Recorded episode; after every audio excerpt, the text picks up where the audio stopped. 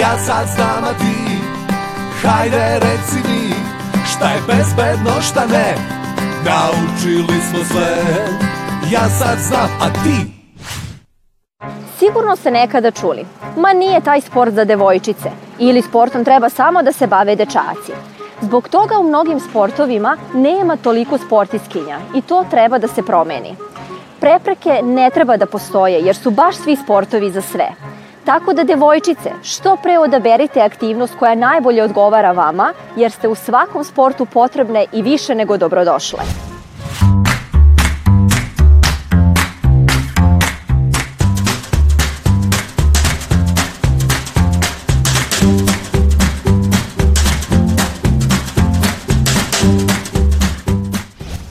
Zašto za neke sportove govorimo da su muški, a neki ženski? Da li ima razlika između muških i ženskih sportova?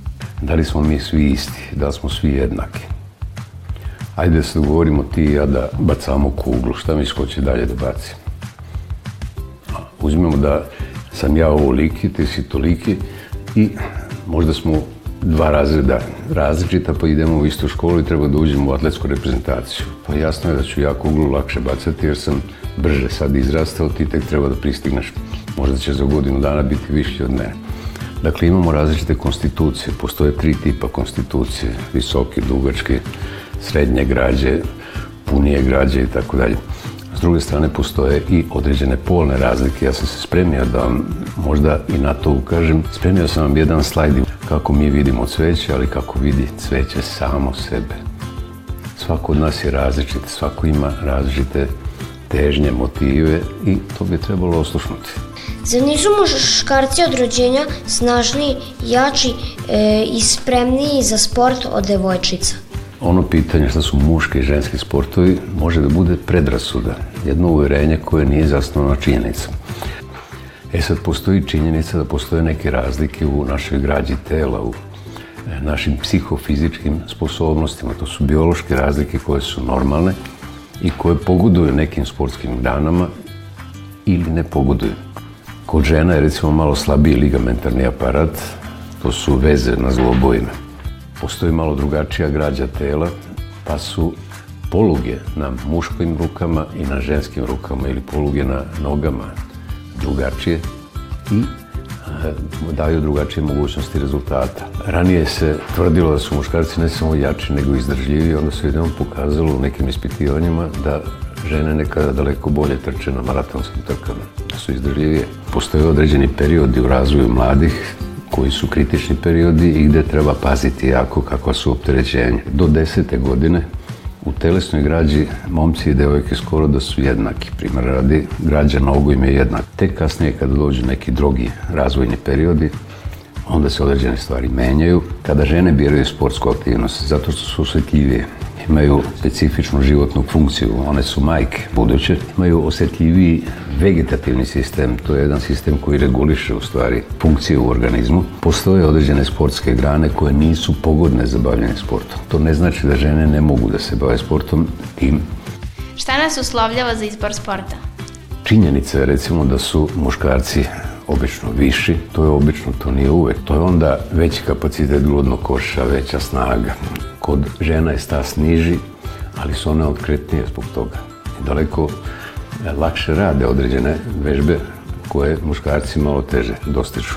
Mišićno tkivo kod muškaraca u odnosu na ukupnu telesnu težinu je e, za otprilike 50% veći nego kod žena i zbog toga se daš, dešava veća snaga i nešto veća brzina pri trčanju. Kod žena je taj odnos malo manje povoljan, manje mišića u odnosu na telesnu težinu, ali recimo e, procenat masnog tkiva u ženskom telu je nešto veći i to ima omogućuje bolju plovnost. Znači, mi muški se prečakavamo u vodi, plivamo i trudimo se, žene bolje plivaju od nas. Postoje sportovi koji su vrlo pogodni za građu žene. Ako žele celog života na zdrav način se bave sportom, to su recimo plivanje, odbojka, košarka, rukomet, tenis, stoni tenis, ritmička i parterna gimnastika, kajak, skokovi u vodu, aerobik, akvarobik. Dugo se verovalo za atletiku da je muški sport, a da je žensko učešće skorašnjeg datuma. To demantuje činjenica da je spartanska princeza Kiniska još 396. godine pre nove ere bila prva žena koja je osvojila olimpijske trke. Krajem 19. i početkom 20. veka žene su se sportom bavile na dvorovima bogataša, jahanjem, dobacivanjem lopte, raznim vežbama za oblikovanje tela i tenisom. U našoj zemlji osnovan je Institut za ženski sport. Idejni tvorac je Marina Maljković, selektorka ženske košarkaške reprezentacije Srbije. Angažovano je više od 50 sportskih stručnjaka i radnika kako bi se svim devojčicama u Srbiji omogućilo da besplatno pohađaju 14 škola sportova u 12 gradova u Srbiji. Naše najpoznatije sportiskinje su Ivana Španović, najbolja atletičarka, Marina Maljković, najbolji ženski košarkaški trener, Tijana Bošković, najbolja odbojkašica Evrope, Milica Mandić, olimpijska šampionka u tekvondou, Marijana Veljović, teniski sudija, Olivera Jevtić, najuspešnija atletičarka maratonac, Ana Ivanović, tenisirka, Zorana Arunović, streljaštvo i mnoge druge sportiskinje koje nismo pomenuli jer bi ova emisija potrajala. Devojčice mogu biti balerine, ali i fantastične futbalerke. Još 1799. godine Jean Garnerin je bila prva žena padobranac koja je skočila iz balona. Danas uspehe nižu Ivana Španović, Tijena Bogdanović, Milica Mandić i mnoge druge sportiskinje. Najvažnije je da odaberete ono što se vama dopada i u čemu ste dobre. Ukoliko redovno vežbate i volite taj sport, uspeh sigurno neće izostati. U ostalom sportom možete da se bavite iz zdravstvenih razloga, rekreativno. Važno je samo da se vi dobro osjećate. Ja sad znam, a ti, hajde reci mi, šta je bezbedno, šta ne, naučili smo sve. Ja sad znam,